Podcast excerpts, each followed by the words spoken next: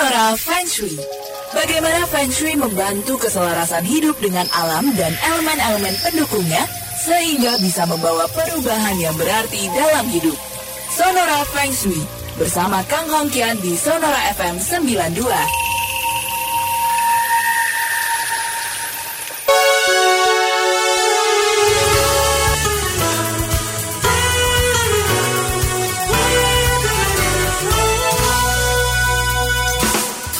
Sonora FM part of KG Radio Network. Selamat malam untuk Anda sahabat Sonora yang berada di Jakarta, yang ada di Bandung, Surabaya, Jogja, kemudian juga di Palembang, Bangka, Bali, dan juga di kota-kota lainnya.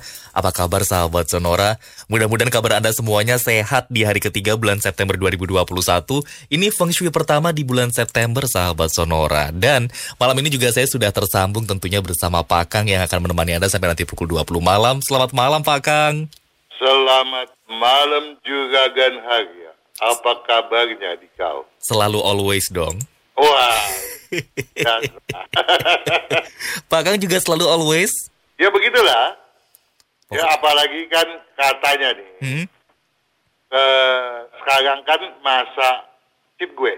Ya bulan ketujuh Imlek yang dipercayai orang sebagai eranya hantu-hantu kelaparan. Kan Oke. sebentar lagi berlalu. Ah, 6 bulan 9 ini selesai bulan ketujuh. di tang Ya, era chip gue liwat tuh, chip gue puah udah nggak ada lagi, ya. Dan tetapi walaupun chip gue dikenal sebagai bulan hantu kelaparan, Mm-mm. kita ingat loh ya, Mm-mm. wah bulan ke tujuh itu lebih bagus daripada bulan ke enam Imlek, ya. Jadi eh, bulan ke saya tegaskan lagi bahwa bulan ketujuh chip gue Mm-mm. le- diramalkan lebih bagus dibandingkan bulan ke-6 Imlek, bulan sebelumnya. Mm-mm. Karena bulan ke-6 itu dikenal, diyakini sebagai ke bawah tidak, ke atas pun tidak. Nanggung.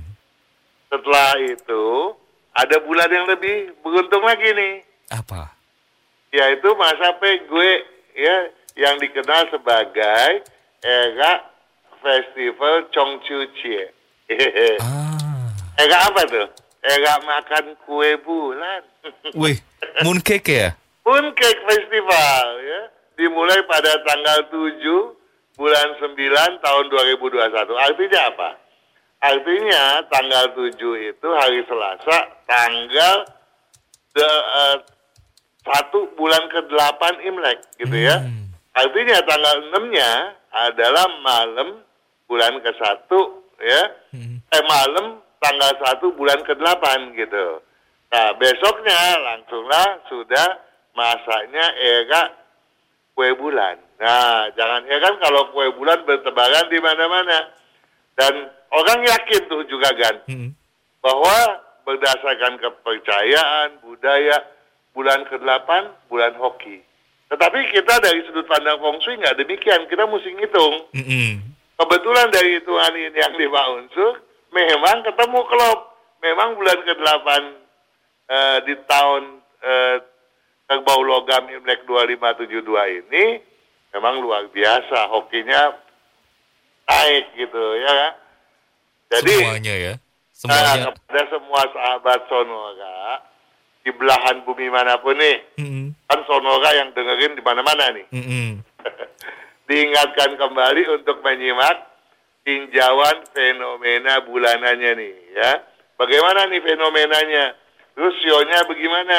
Ya supaya kita punya kesuksesan, kita punya keberuntungan, ya makin berjaya lah, makin berpihak kepada kita, ya? Amin. Iya dong. Bener bener bener bulan baru, harapan baru tentunya ya. Betul lah, ya. Jadi kita berharap kan adanya kenaikan yang dua kali nih dari bulan ke-6 ke bulan ke-7 ada kenaikan, Mhm. ya. Dan di bulan ke-8 ini kita harapkan juga adanya kenaikan yang lebih signifikan tentunya, ya. Mm-mm. Nah supaya kita jangan ketinggalan kereta karena kan nggak semua sio dengan jumlah nilai keberuntungan semua merata terus naik semua rame-rame. karena ada aja yang keganjel nih. Oke. Nah, supaya jangan keganjel, jangan ketinggalan kereta. Kita simak tuh, bagaimana fenomenanya, bagaimana sionya. Tanggulangi deh ya nggak, supaya semua batu sandungan bisa kita singkirkan. Nah, berbicara soal batu sandungan, ini juga apakah ada sahabat-sahabatnya Pak Kang dan juga sahabat Snora yang mampir ke YouTube-nya Pak Kang? Begini, kemarin kita cerita, Hmm. ada Awi Sampurna tuh. Hmm. Bertanya pada eh, video feng shui pintu utama ya, keseimbangan hidup, harmonis, dan kaya. Boleh nggak pas buka pintu utama langsung ketemu kamar orang sakit? Kemarin kita dijawab bahwa jangankan kamar orang sakit, ketemu kamar orang sehat nggak boleh. Iya. Maksud kamar orang sehat tuh kalau pintunya menghadap ke ruang tamu. Jadi tolong dimaklum gitu. Apakah pintu itu ada di kiri eh, ataupun di kanan ruang tamu nggak ada urusan. Hmm. Nah ada yang bertanya kalau di depannya gimana? ya toh? Yang itu berarti makin parah kesalahannya. Kenapa? Artinya itu rumah tidak ada penyekat. Dari pintu utama bisa lihat ke dalam kan? Betul. Nah itu kesalahannya lebih banyak lagi. Dan tentu saja kesalahan-kesalahan lainnya juga kita perlu waspadai. Misalnya apa? Nomor satu nih, dalam mengatur feng shui, kita mau energi positif itu berputar di dalam rumah. Hmm. Energi positif, orang bilangnya juga sebagai sengci. Ya, Nah kalau pintu utama dengan dinding pembatas rumah jaraknya pendek, itu berarti energinya jelek, nggak akan berputar. Ya, Hmm. Nah begitu juga kalau kemudian banyak hambatan, ya, banyak gangguan-gangguan, ya, atau juga misalnya bukaan pintunya, misalnya ada bukaan pintu yang bukannya ke dalam bagian ruangan tapi keluar ruangan, ini Oke. juga salah juga kan. Ah. Ada juga yang di sliding, Ah. ya, untuk pintu utama sliding, ini keliru. Ini ada nih yang nanya tuh Adika Hendra gitu ya, tapi ntar kita bahas lagi Adika Hendra itu pada video siapa lebih hoki bisa berbahayakan. Tapi kita perlu tahu juga bahwa kekeliruan lainnya misalnya ukuran pintu utama. Kalau kita berbicara pintu nih juga kan, masih ingat gak? Ya analoginya kan adalah mulut kita dah. Oke. Kalau orang yang besar, mulutnya kecil, enak gak sih dilihat? Iya sih.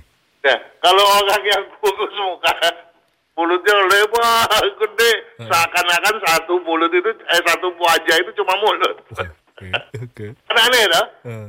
Jadi ukuran pintu juga harus berimbang dengan luas bangunan rumah, gitu ya. Mm, mm, mm, mm. Nah jangan pula kemudian ruang pintu banyak orang bikin nih supaya enak nih di belakang rumah dikasih jendela. Eh bukan jendela, kalau jendela nggak masalah nih. Dikasih pintu yang besar sekali, lebih besar dari pintu utama. Ini porosan nih. Ya, kalau mau dibuka besar-besar buatlah itu sebagai jendela gitu ya. Hmm. Nah, tapi kalau jendela terlalu besar, hati-hati. Itu bisa mengganggu hubungan antara pintu dengan jendela. Pintu dengan jendela berarti anak dengan orang tua. Anak bisa kurang ajar. Ah. Ya, juga perlu dipahami. Jadi, lihat video-video yang sudah lalu bagaimana cara mengaturnya gitu ya. Ah. Terus juga ada lagi pertanyaan misalnya nih. Dari Kartika Nova ya. Mhm. Dia bertanya pada feng shui pintu utama, keseimbangan hidup, harmonis, dan kaya. Rumah baru kami pintunya besar kecil, ada masalah enggak? Nah maksudnya pintu besar kecil nih apa? Maksud utama nih. Kanan kiri beda gitu mungkin. Nah itu dia, kita memang sering lihat tuh juga kan. Ya pintu satunya kecil, satunya besar. Tujuannya apa? Oh, kalau kita mau masukin barang yang besar nih, Hmm. Misalnya juga kan Haria, waduh beli grand piano nggak masuk. kalau kalau pintunya terlalu kecil. Ah, ah, ah. Nah pintu kecilnya tuh kan ada dua tuh. Hmm. Nah, biasanya kan bukanya cuma yang besar, yang kecilnya dibuka gitu toh. Hmm, hmm. Itu masuk. Tapi dari sudut pandang feng shui itu menandakan suami dengan istri. Nah berarti ada salah satu yang dominan. Ah. Kalau rumahnya daun pintunya gede satu kecil satu, suami istri rumah penghuni rumah itu pada umumnya gampang stres, Oke. gampang adu. adu pandangan gitu ya. Dapat susah tuh untuk ketemu. ya pembicaraan bisa belok sini, belok sana nggak karuan. Ada Andreas Fondris pada video dampak pintu utama kamar mandi WC pada dapur. Halo Pak Kang, saya Andre. Rumah hadap selatan, pintu hadap barat, dia bilang. Hmm. Jarak dari tembok samping ke pintu cuma dua setengah meter. Solusinya agar rumah tetap baik secara feng shui gimana? Eh, gimana nih juga kan? Pintunya dipindah. itu itu itu jawaban yang paling tepat. Ya pindahkan aja tuh pintu. Kalau rumahnya ngadep selatan langsung aja ke selatan supaya nggak cuma menghadapi jarak yang dua setengah meter dong. Benar sekali juga kan ya. Udah mesti dikasih sertifikat lulus. Universitas Kang Hongkian. Uh, tetapi ya cobalah untuk uh, Juragan Andreas simak juga video kedudukan dan hadap pintu utama ya. Nah juga kita harus tahu kenapa sih uh, itu rumah pintunya dimiringkan. Apa iya berdasarkan hitungannya seperti itu? Jangan sampai memiringkan itu menjadi keliru dan kemudian energi positifnya juga nggak berputar baik. Oleh sebab itu, maka eh, video siapa lebih hoki bisa berbahayakah juga disimak tuh. Hmm. Itu saya ada menjawab kalau nggak salah saya Lilita dan Saskia Ramadhani bertanya soal yang sama. Ya. nah, kalau misalnya tadi Anda juga Gan Arya bilang pintunya di depan ke depan aja gitu ya. Hmm. Itu eh, kemungkinan dap, eh, jeleknya itu malah minimal. Ya, jadi yang paling gampang adalah memutar kembali pintu menghadap ke jalan raya, gitu ya. Hmm. Ada Komang Sinaji Arbawa Ata Jasa pada video dampak pintu utama kamar mandi WC pada dapur. Salam sehat sejahtera Pak Kang. Kalau rumah tanpa teras ada efek negatifnya enggak Pak Kang? Ada efeknya enggak nih juga kan? Ada. Apa? Nggak seger gitu nggak sih? Ya kalau kita bicara teras ya, nomor satu kan teras itu dibikin nggak dibikin pasti ada. Hmm. Teras adalah eh, antara kan ruang antara antara halaman depan menuju ke bagian dalam dong, Betul. ke, ke dalam eh, ruang tamu itu. Hmm, hmm, hmm. Jadi yang namanya teras dibuat atau enggak adanya di bagian depan. Nah yang jadi masalah adalah bukan soal apakah dia katakan bahwa dia punya rumah itu sharing gitu ya eh, dengan tetangga. Rumah saya sudah cocok nomor satu hadap ke timur dia bilang. Hmm. Tetapi ruang tamu saya dan pintu utama langsung ke halaman tanpa teras dan halaman rumah saya sharing dengan tetangga karena rumah saya di klaster kecil. Oke. Kalau untuk eh, sharing nggak ada masalah. Yang masalah nih, kalau di de- depan rumah itu di teras itu kita meletakkan tong sampah misalnya, Hmm. itu kan energinya negatif tuh. Iya. Lagi udah berantakan, bau, bau aja itu udah saci loh, Hmm. energi negatif. Betul. Ya, kemudian di depan ada pohon besar yang batangnya di tengah-tengah pintu utama, itu juga salah. Atau ada orang yang karena oh, merasa eh, nggak aman nih di rumahnya, Hmm. dia pasangin satu rumah itu kayak kandang, di atasnya dia tutup lagi rapat-rapat pakai kanopi tanpa ada, tanpa bisa sinar itu masuk gitu. Heeh. ya Buddha cahaya nggak masuk jangan-jangan dia bikin juga sampai eh, angin pun menjadi minimal. Nah, ini berarti jelek ya. Itu yang harus diwaspadai. Ada beras kencur pada video feng shui pintu utama keseimbangan hidup harmonis dan kaya. Hmm. dia bilang gini nih Juragan Arya mudah-mudahan dibales nih katanya nih Oke. Juragan Arya males sih nggak mau balas-balas Mau tanya bagaimana dengan pintu geser apa boleh dipakai dalam sebagai pintu utama maksudnya ya? Heh. Ada pertanyaan serupa memang dari Adika Hendra tadi saya udah sampaikan pada video siapa lebih hoki bisa berbahayakah. Adika Hendra bi- bilang begini nih. Mau tanya Pak Kang, ada berapa perumahan nih yang pintu utamanya pintunya dua daun dia bilang. Hmm. Bukanya keluar. Oke. Kebetulan kami ngontrak di sana, dia bilang. Bagaimana menurut Pak Kang secara feng shui? Kalau jelek ya nggak bisa dirubah, dia bilang ngontrak ya itu aja. Oke. ya, memang begini. Kalau yang boleh pintu itu digeser keluar juga kan, nggak semua pintu harus buka ke dalam bagian dalam rumah loh ya. Jadi yang bisa dibukanya ke arah luar itu kalau bahannya dari logam. Hmm. Karena logam dianggap unsur yang mati, sedangkan kayu unsur yang hidup. Namun, kalau kita berbicara siapa yang lebih natural, tentu kayu dong ya. Ya kayu mendatangkan banyak rezeki dan logam enggak gitu. Ya.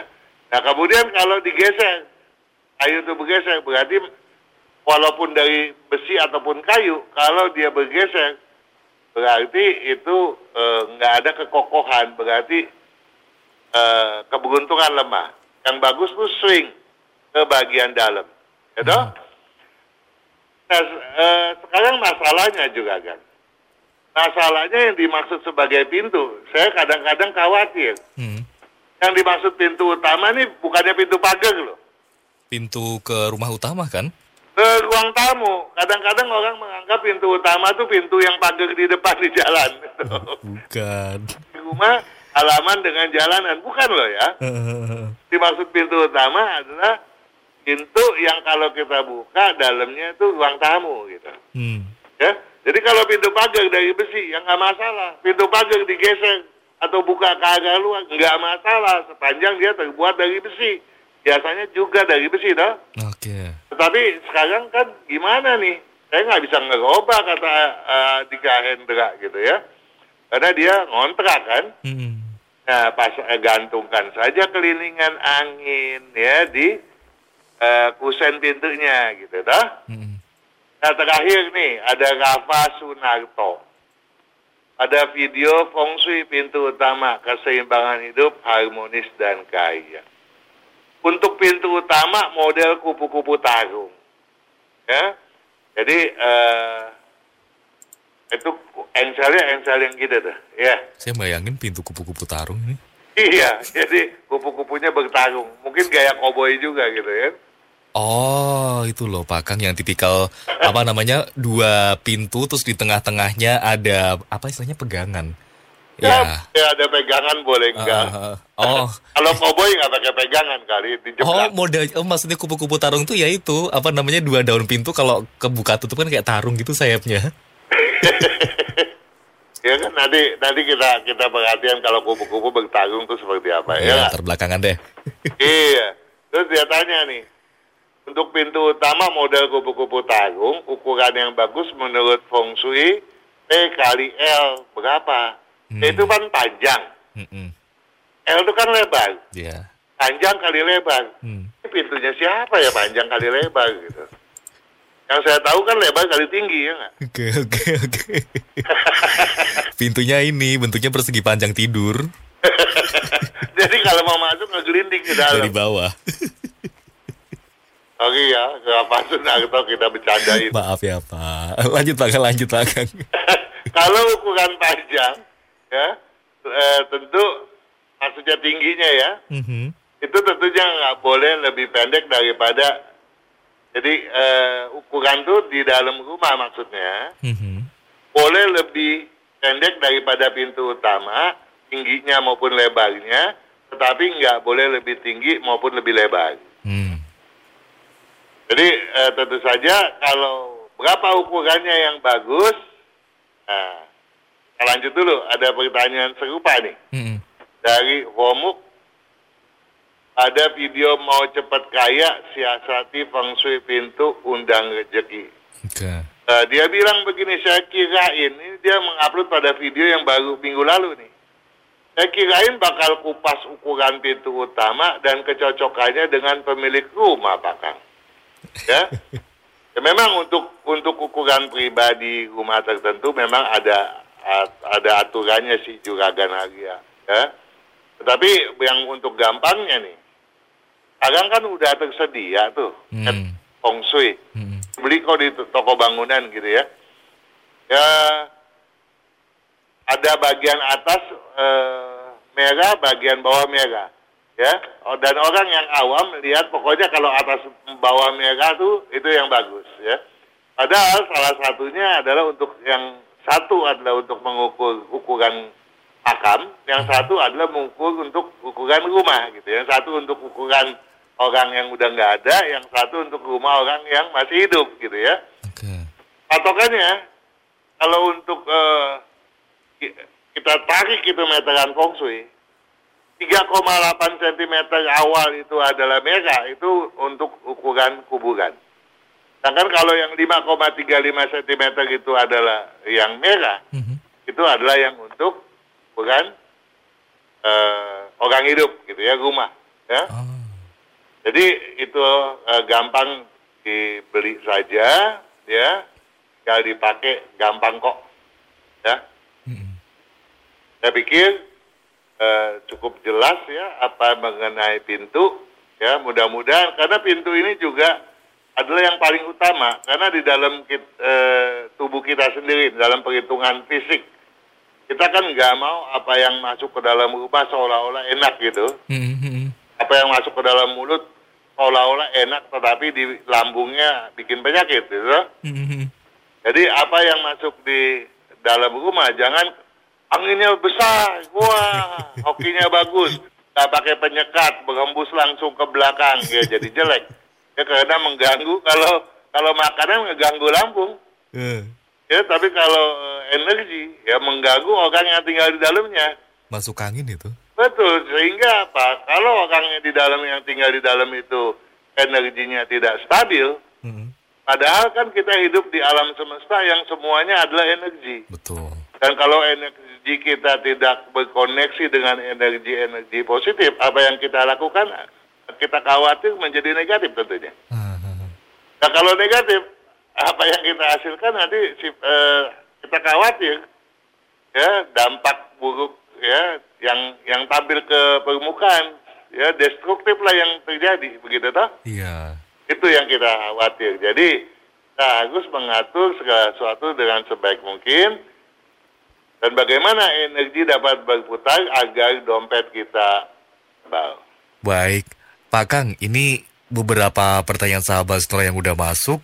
Kita cicil sekarang sekalian kali ya. Boleh dong. Sambil ada waktu 5 menit sebelum tanda waktu menit 30 ini. Pokoknya penjelasan selesai kita lanjut, kita jangan buang waktu. Lanjut. ini Pak Kang, yang pertama ada dari Renault. Renault. E R-E-N-O-L-D. ya, 13 bulan 10 13 bulan 10, tahun 1988. 1988, Pukul 3 lewat 35 subuh. ya, Untuk arah rumah yang cocok apa ini Pak Kang? Reynolds. Hmm. Reynolds agak rumah yang cocok kalau nggak ke barat ya bisa ke selatan. Dua itu ya. Ya, Oke. Kemudian yang berikutnya ini juga ada pertanyaan dari ini masih satu orang sih. Ibu Dewi Trisnawati Siau.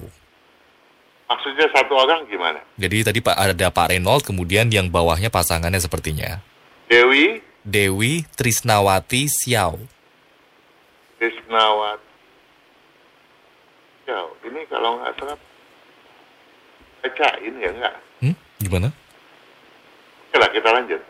15 bulan 8 15 bulan 8 tahun 66 tahun 66 eh pukul 6 lewat 10 pagi. lewat 10 pagi. Iya, Untuk jenis usaha yang cocok Pak Kang. jenis usaha yang cocok, yang berunsur kayu dominan, Mhm.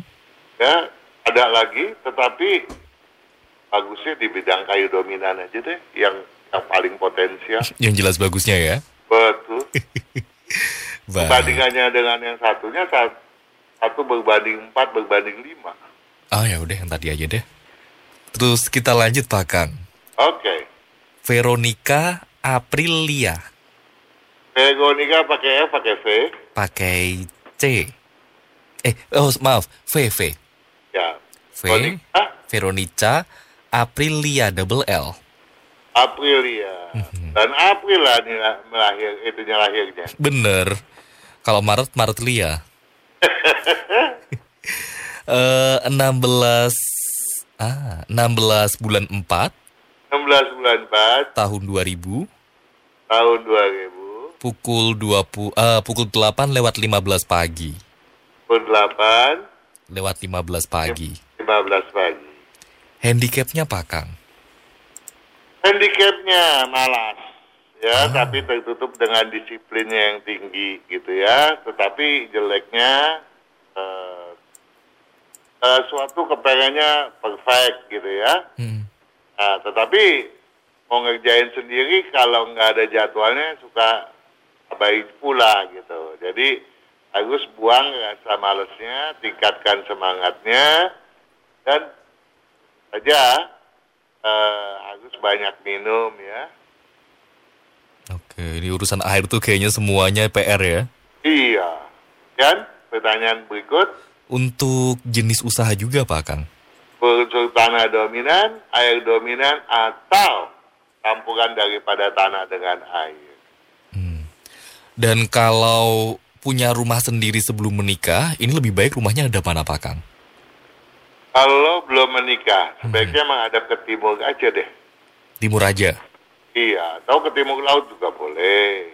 Barat daya juga boleh. Heeh. Oke, terima kasih. Kemudian, hmm, sebentar. Pak Kang, Iya, ini coba ya. Eh, ada Ana mau tanya untuk hitungan tangga jatuh di sisa 4 dan di bagian bordes tidak bisa ditambah lagi gimana solusinya Pak Kang?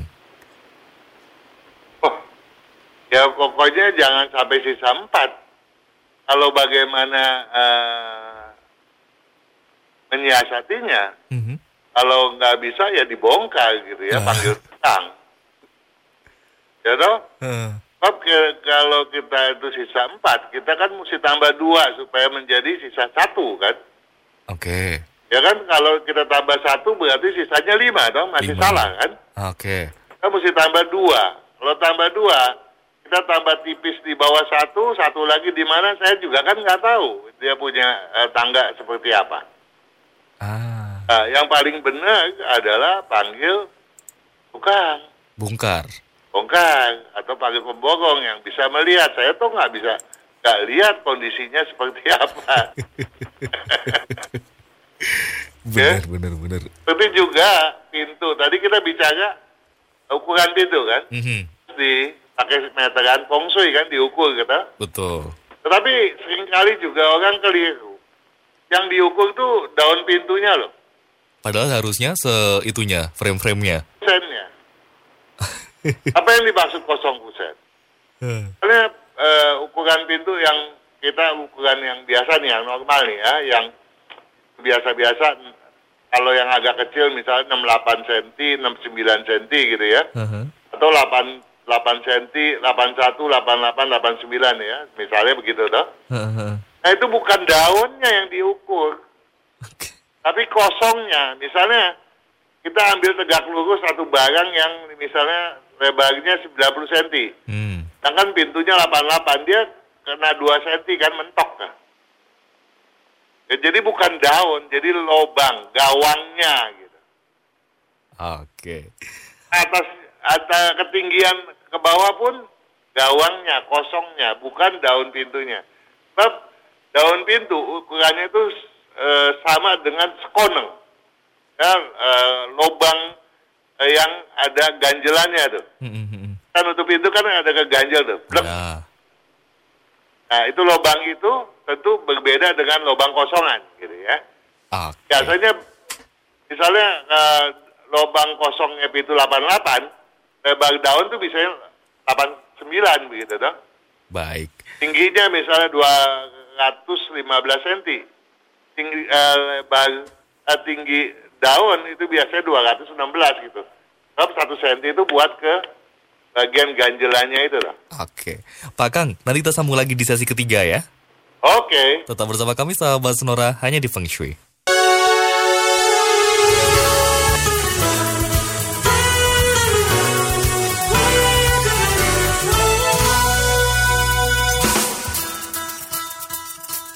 Selamat malam untuk Anda yang baru saja bergabung bersama kami di Feng Shui pada malam hari ini. Dan untuk Anda yang masih bergabung, masih kami tunggu partisipasinya ya. Silahkan bisa langsung Anda kirim ke 0812 112 9200. Pak Kang, kita lanjut.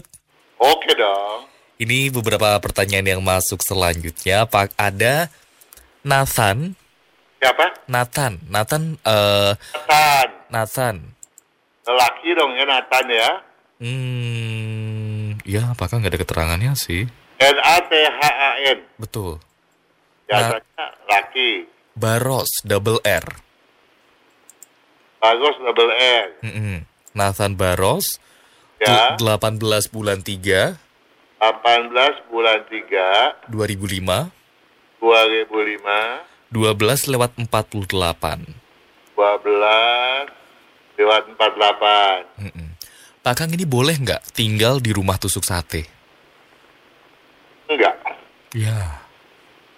Karena eh, komposisi elemennya enggak enggak enggak berimbang.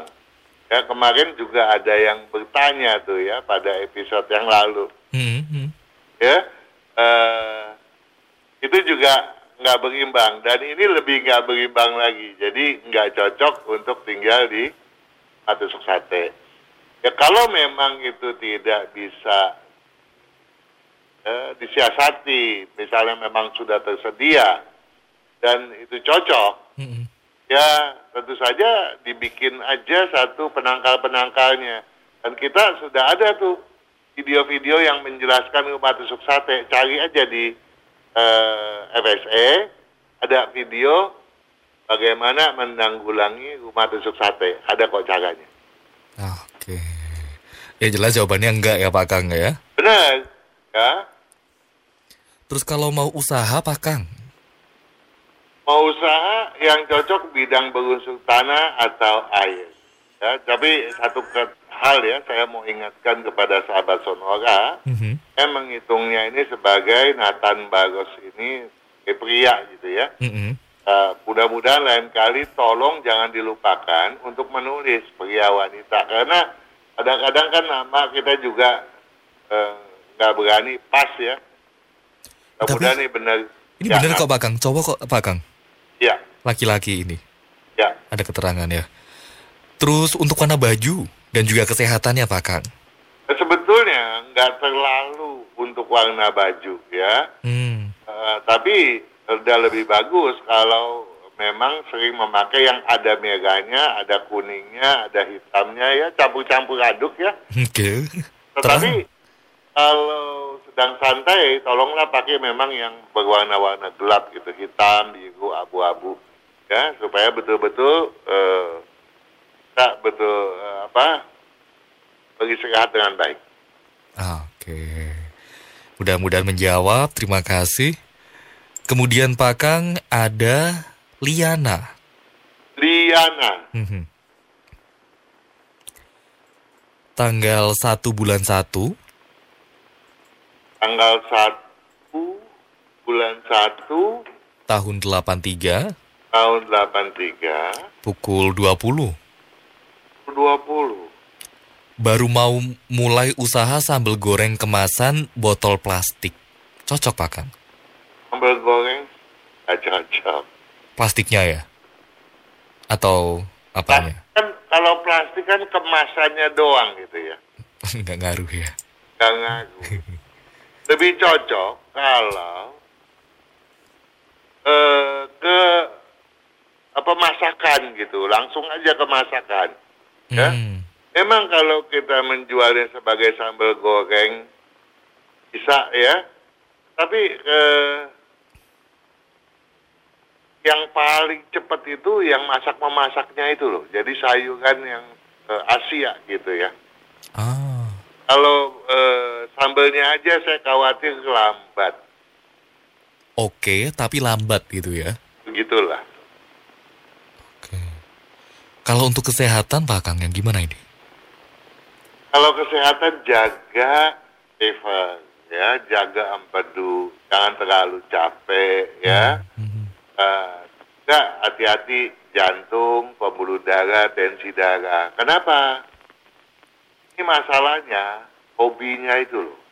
Hmm. Nomor satu sama asin ya. Kita bilang ini udah asin, dia bilang belum, dia tambah lagi. Kita bilang udah keasinan, dia bilang masih belum juga. Oke. Ya, nah kalau kalau memang ada ada masakan-masakan yang stylenya tuh asin. Habis yang asin-asin gurih enak Pak Kang. Iya, tapi ini terlalu asin dan juga manis. Nah Hmm. ini dia bisa mengganggu sampai mengganggu takutnya ke darah, ke tensi darah. Gitu. Kalau untuk warna baju Pak Kang? Hijau dan merah. Hijau dan merah ya. Lagi pakai hobinya. Tahu nggak hobinya dia pakai apa? Baju gelap. Betul. Hmm. Oke. oke. Baik, Liana terima kasih. Kemudian, wah ini panjang sekali. Ini nanti aja deh 45. Eh berikutnya Pak Kang. Ya, Samantha. Samantha eh, Dewi, Samantha Sani.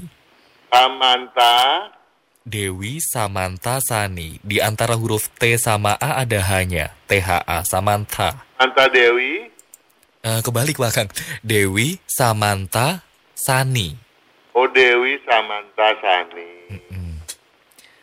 Eh, tanggal 1 bulan 3. Saninya double N nggak? Enggak. Satu. Oke. Eh, tanggal 1 bulan 3 Satu bulan tiga tahun selim, eh, 95 tahun 95 pukul 1 lewat 5 dini hari. satu lewat lima dini hari. Oke. Kalau mau usaha parfum atau mie ayam, cocok nggak Pak Kang? Eh, mie ayamnya kurang cocok ya. Tapi kalau parfum dan segala macam bentuk yang cair kan, wah luar biasa cocok ya. Hmm. Eh, Jadi bidang berunsur air itu yang paling cocok. Kedua campuran tanah dengan air. Lihat di buku tuh, banyak tuh pilihannya tuh tanah dengan air. Pilihan ketiga yang tanah dominan, tapi kalau bisa sih saran saya betul-betul yang pure tan eh, air dominan gitu. Ini jual mie ayamnya kuahnya aja kali ya? kan air Pak Kang. Kalau soal kesehatan gimana Pak Kang? Kesehatan ya, eh, tolong kurangi asam ya. Ya asam sama asin ini gila banget ya. Hmm. Eh, lambungnya bisa masalah dan juga kurangin juga itu dagingnya ya. Hmm. Hmm. Karena eh, kalau bisa sih ini saya minta tolong dimulai untuk vegetarian nih, vegan lah gitu ya. Dan tentu saja penyakit-penyakitnya saya khawatir banyak sih ya. Nah, Iya sih. jantung, usus kecil, usus besar, pencernaannya, lambungnya, paru, tulang, gampang radang, gampang masuk angin. Apalagi daging ketemu asin, aduh. Jadi betul-betul tolong ya, di eh, daging dihindari dan jaga kesehatan dan penyakit bisnisnya nih. Apa Pak Kang? Jangan suka sok tahu gitu ya, sama pelanggan apalagi. Ah. Oke, oke, oke. Untuk warna baju Pak Kang? Eh, putih merah. Putih merah. Oke. Pak Kang, nanti kita sambung lagi di sesi terakhir.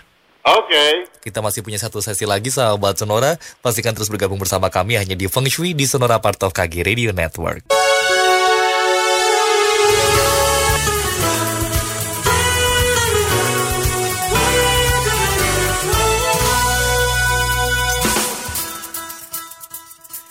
Di sesi terakhir Feng Shui pada malam hari ini saya masih bergabung bersama Pak Kang dan juga terima kasih untuk Anda yang sudah bergabung bersama kami.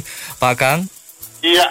ini agak panjang Pak Kang. Kita jawab satu-satu ya. Ini suami istri. Oh, calon baru calon suami. Oke. Yang perempuan namanya Nia, Nia. Nia. Ah, N I A. cukup. Cukup itu aja. Oke. Eh 12 bulan November 12 bulan 11 tahun 91. tahun 91. Pukul 2 pagi, 2 dini hari. Oke. Saya bekerja sebagai accounting dan juga ada sampingan buka usaha rental mobil-mobilan anak-anak di dalam mall. Apakah usaha rental mainan anak-anak ini sudah cocok? Rental mainan lumayan dibanding eh, dan sebagai accounting. Lah. Oke, berarti lebih recommended yang ini ya, buka usahanya ini ya? Betul, tapi kalau dia berusaha di bidang api dominan, Mhm. percampuran api logam atau api tanah, tentu perkembangannya akan lebih signifikan. Ah, baik, baik, baik. Untuk calon suaminya, namanya Andi. Andi, AN, AN Delta India. India. Oke, 13 bulan 2, 13 bulan 2, tahun 82, tahun 82, pukul 22 lewat 30, 22, lewat 30 malam. oke. Usahanya yang cocok apa ini Pak Kang? Yang cocok, Mm-mm. Ini kalau di bidang accounting lebih cocok ya. Tapi kalau bisnis, paling cocok di bidang berunsur air dominan. Yang kedua campuran antara tanah dengan air atau campuran antara tanah, logam dan air. Hmm. Terus kalau untuk kesehatan keduanya gimana nih Pak Kang? Tadi si Nia sama Andi. Kalau ini ya, tolong kurangin manis ya. Hobi bener dengan manis. Hmm. Daging sapi pun sebaiknya dikurangi. Mudah-mudahan nggak makan sapi.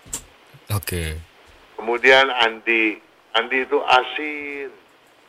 Ya. Eh, eh, daging yang asin juga harus dikurangin. Eh. Ya. Kemudian eh, juga jaga. Andi itu paling suka memang dengan daging. Ya. Banding Nia, kalau jadi Nia sebaiknya mengajarkan Andi untuk lebih banyak makan sayuran gitu ya. Oke.